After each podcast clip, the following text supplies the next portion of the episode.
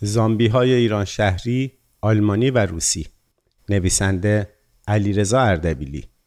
زامبی ها مردگان برخواسته از گور هستند که به طور دست جمعی به حرکت در می آیند و در مسیر خود جان زندگان را می گیرند. پروسه تولید آنها هم معمولا از مسیر مردن طبیعی و برخواستنی غیر طبیعی از طریق اعمال جادویی انجام می گیرد. قربانیان بحران مالی جهانی و سرخوردگان از نتایج خفتبار جنگ جهانی اول در آلمان دهه 1930 از سوی ایدئولوگ‌ها و پروپاگاندیست های نازی مثل آلفرد روزنبرگ، جوزف گوبلز، آدولف هیتلر، ارنست روهم و رودولف هس به پا خواستند و اروپا و جهان را به بزرگترین فاجعه غیر طبیعی بشری دچار کردند. زامبی های آلمانی خواهان مرگ و نابودی برخی آدمها در آلمان و حمله ارتش آلمان به برخی کشورهای دور و نزدیک بودند. آنها تحصیل کردگان و فرهیختگان آلمانی متولد اوایل قرن بیستم آلمان بودند. عادت به تماشای تئاتر، حضور در کنسرت های موسیقی کلاسیک، بازدید از گالری های نقاشی، مطالعه دائمی کتاب و مطبوعات، آشنایی با زبان فرانسه و شانس برخورداری از تحصیلات عالی بخشی از هویت اقشار بالای آلمانی طرفدار نازی ها بود. اینان در هیئت زامبی هایی بودند که سخنان کتبی و خصوصا شفاهی پروپاگاندیستای نازیستی برای آنها حکم صدای سهرامیز فلوت ماربازان ماهر هندی را داشت که موجب وجد و رقص آنان می‌شد. اینان با صدای این فلوت به وجد آمده و با شوقی سیری ناپذیر ساعتهای مدید در بزرگترین میادین شهرهای بزرگ آلمان در تجمع نازی ها شرکت می کردند. آنها چه می‌خواستند؟ بر علیه چه کسانی بودند؟ این زامبی ها خواهان مبارزه قطعی با بلشویک ها یهودی ها و به خصوص نوع ترکیبی بلشویکی یهودی هایی بودند که برابر ادعای نازی ها در تحمیل صلح ورسای به آلمان در پایان جنگ جهانی اول نقش ستون پنجم را ایفا کرده بودند. نازی ها استدلال می کردند که در لحظه به صدا در آمدن سوت پایان جنگ جهانی اول یعنی در 11 نوامبر 1918 هیچ واحد نظامی خارجی در خاک آلمان وجود نداشت و تحمیل شرایط سنگین به عنوان قدرت مغلوب جنگ به آلمان چیزی جز نتیجه توطعه دشمنان و به خصوص دشمن داخلی یعنی آلمانی های ناخالص و غیر آریایی نبود. آن زامبی ها هرگز کینه از بقال یهودی محل، کارمند یهودی بانک یا پیانیست یهودی شهر خودشان نداشتند و همانطور که در اسناد به مانده مکتوب است هر کدام با دهها یهودی آلمانی در ارتباط نزدیک روزانه زندگی کرده بودند. آنان عاشق فرانسه و هلند و بلژیک هم بودند و هرگز حاضر نبودند که مردمان شهرها یا طبیعت آن کشورها صدمه ای ببینند. نفرت آنان متوجه موجودات شایسته نفرتی بود که در پس پرده عامل سقوط بزرگ بورس وال استریت یعنی پنجشنبه سیاه در 24 اکتبر 1929 بودند و پیش از آن نیز در جریان صلح ورسای آلمان پیروز در جنگ جهانی اول را در جایگاه بازنده جنگ به ناحق محکوم به صلحی ناعادلانه کرده بودند. پاسخ این معمای بزرگ که چگونه فرهیخته ترین جامعه اروپایی دهه 1930 تشنه خونه یهودیان و خواهان ویرانی اروپا در شرق و غرب آن شد در ماهیت دو مرحله ای امر زامبی سازی از انسانهای معمولی است. در مرحله اول یهود و لهستانی و روس در قیافه کریه و شایسته نفرت و نابودی ترسیم می شوند که نابودی آنها شرط بلا معذرت و ضروری برای رسانیدن آلمان و آلمانی به خوشبختی است. ادامه کار یعنی مرحله دوم کار دشواری نیست. زامبی هایی که برخواستند نیازمند زحمت کمی برای فعال شدن و فعال ماندن هستند. به نظر من ادعای آلمانی های بیشماری که بعد از جنگ ادعا می کردند از یهود کشی بی خبر بودند حداقل از یک نظر صمیمانه بود. آنان برای نابودی بولشویک یهودی های ستون پنجم دشمن به تظاهرات نازی ها پیوسته و به این حزب رأی داده و به جنگ رفته بودند. در همه این مراحل نیز جز خلاصی آلمان از لوس وجود دشمنان داخلی و خارجی نیت دیگری نداشتند آنها می‌دانستند که خواهان محو و نابودی عدهای هستند یا در حال ویرانی جایی و کشتار کسانی هستند اما آنان نمی‌دانستند که ماسک زشت نصب شده بر سیمای یهودیان مظلوم ساخت نازی هاست و ربطی به واقعیت وجودی یهودیان واقعی ندارد. زامبی های روسی امروزی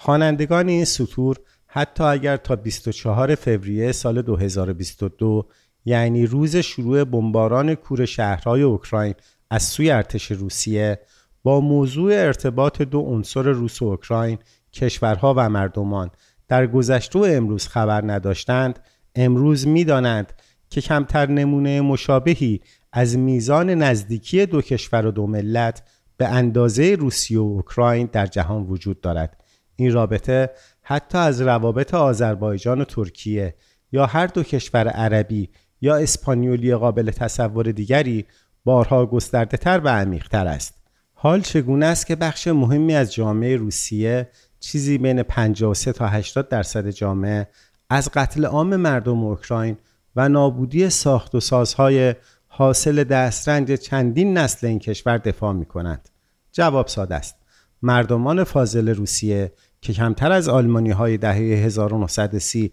اهل کتاب و مطالعه و موسیقی و تحصیل نیستند چیزی جز خوبی و خوشی اوکراین زیبا و شهروندانش را نمی‌خواهند آنان می‌خواهند که ارتش روسیه این مردم و کشور همسایه را از نازی ها، ناتو و ناسیونالیست های اوکراینی نجات دهند. آنچه دنیا به عنوان قتل عام اهالی و جنایات جنگی از سوی ارتش و رهبری روسیه می‌بینند برای در های ذکر شده از شهروندان روسیه چیز دیگری است. روسها نه از قتل عام دفاع می کنند و نه از بمباران بیمارستان ها و مدارس اوکراین.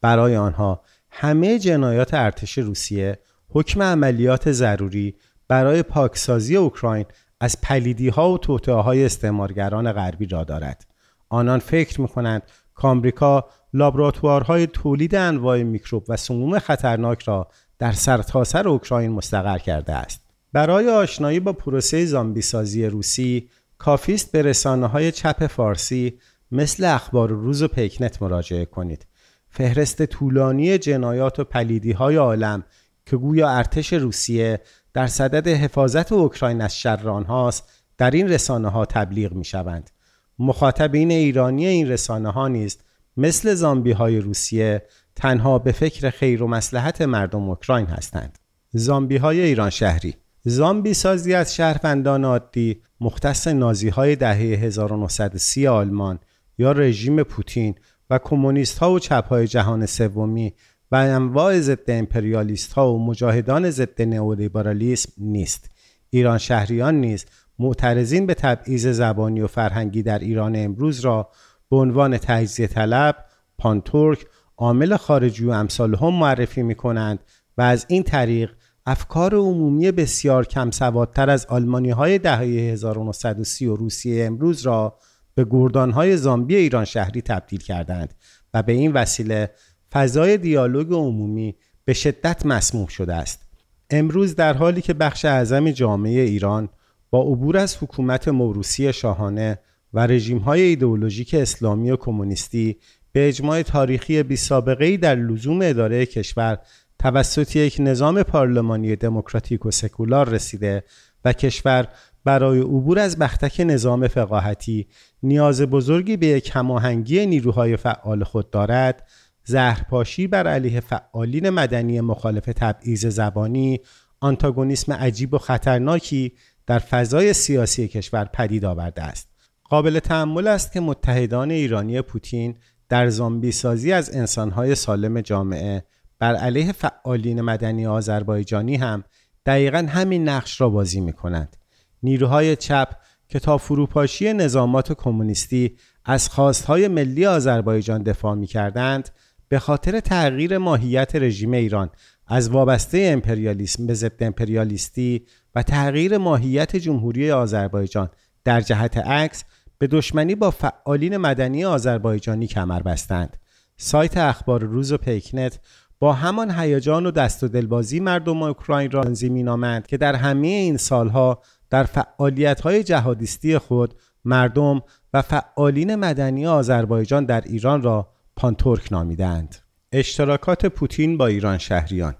این موضوع ابعاد متعددی دارد که به جای خود شایسته دقت فراوان است به عنوان مثال فیلسوف سیاسی فتنه‌گر مشاور پوتین و دولت روسیه به نام الکساندر دوگین سفرهای متعددی به قم و تهران کرده و همواره از رژیم فقاهتی جمهوری اسلامی شیعی ایران به عنوان محور مقاومت در کنار روسیه و در جهاد بر علیه امپریالیسم غرب یاد کرده است. این فیلسوف سیاسی فتنگر با جواد آقای تبا ایران شهری در زامبی سازی بخشی از اهالی روسیه بر علیه اوکراین و بخشی از اهالی ایران بر علیه آذربایجان از همان منطقی تبعیت می کنند که دستگاه پروپاگاندای پوتینی امروز بدان توسل جسته است. پوتین به خصوص در نطق تاریخی خود در 22 فوریه 2022 از استدلالی حرکت کرد که برای آشنایان با احتجاجات ایران شهری بسیار آشنا بود. در آن سخنرانی پوتین از فکت نزدیکی تاریخی همه جانبه اوکراین و روسیه لزوم حمله به اوکراین را استخراج کرد. پوتین گفت چون روسیه و اوکراین از روز اول پیدایی خودشان در نقشه جهان متحدانی با اشتراکات زیاد و در کنار هم بودند وجود کشوری به نام اوکراین جعلی ناشی از اراده لنین و سوء نیت اوکراینی ها در اصرار بر حفظ استقلال خود از روسیه است. نظیر مناسبتری از این منطق پوتینی برای منطق ایران شهری در توجیه نفرت پراکنی بر علیه جمهوری آذربایجان نمی‌توان سراغ کرد. چون ما اشتراکات زیادی داشته ایم و داریم پس تو اوکراین برای پوتین و جمهوری آذربایجان برای ایران شهریان اسلامی و سکولار از نظر ما موجودیتی غیر واقعی و جعلی هستی.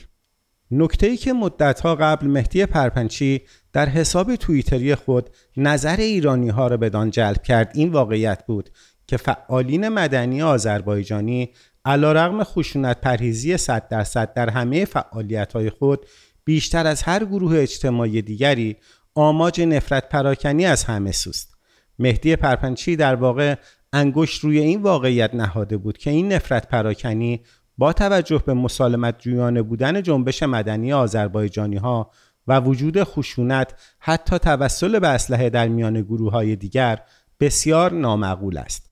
درست مثل زامبی های روس که هیچ دشمنی با اوکراینی ها ندارند یا مثل زامبی های آلمانی که هیچ دشمنی با یهودی ها نداشتند زامبی های ایران شهری هم هیچ دشمنی با آذربایجانی ها ندارند. همه این زامبی ها به تعداد کافی از میان قربانیان کارزارهای خود دوست، آشنا، همکار و چه بسا قوم و خیش دارند. زامبی های ایران شهری بدون اینکه دروغ بگویند می توانند لیستی از دوستان و همسایگان و همکاران و ترک خودشان را نام ببرند.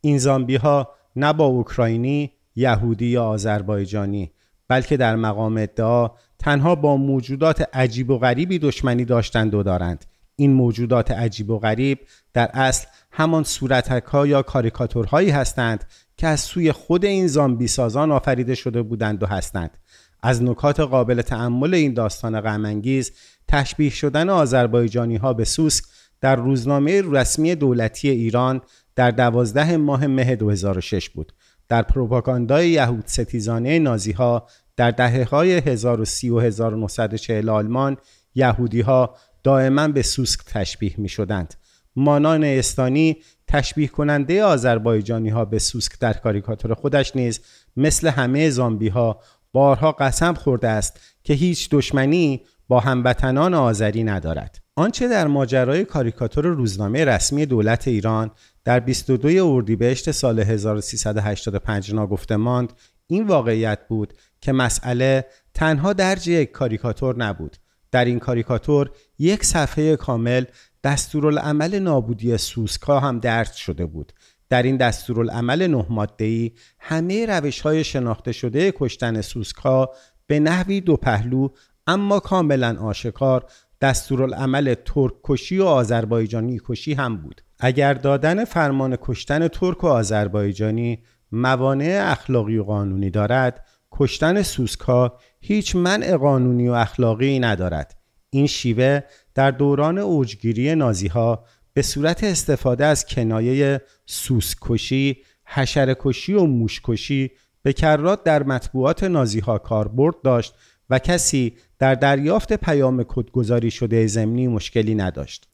امروزه هم دستگاه پروپاگاندای پوتین نه فرمان کشتار اوکراینی ها بلکه فرمان کشتار نازی های اوکراینی را تبلیغ می کند. آنچه در این میان اهمیت ندارد چیزی به نام واقعیت است. در اصل دستجات نئونازی در همه کشورهای غربی طرفدارانی دارند. آنچه هم که ما از ازول نمایی های طرفداران این ایدئولوژی دیده ایم تعداد آنها در یک محله مسکو باید از کل تعداد آنها در اوکراین بیشتر باشد اما نه وجود یا عدم وجود یا تعداد نئونازی های اوکراینی و روسی برای زامبی های روسی مهم است و نه سوسک بودن یا نبودن یا پانتورک بودن و نبودن ترک ها برای زامبی های ایران شهری اهمیتی دارد. جان کلام آن که نه آلمانی های دهه 1930 یهود ستیز بودند و نه ایران شهریان ترک ستیز یا آذربایجان ستیز هستند. به همین سیاق آن درصد بالای جامعه روسیه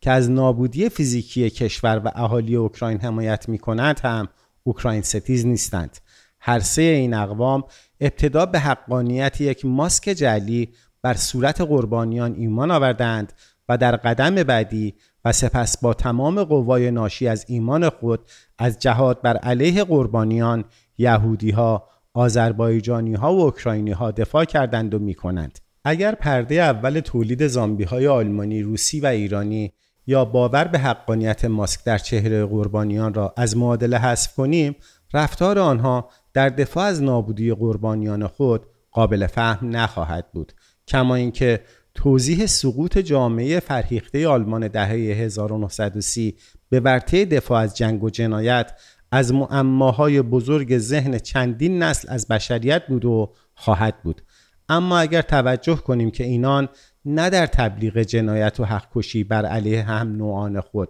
بلکه بر علیه ماسک های حاصله پروسه زامبی سازی خود مصر بوده و هستند مسئله قابل فهم می شود هرچند ماهیت ضد انسانی اعمال این زامبی ها عوض نمی شود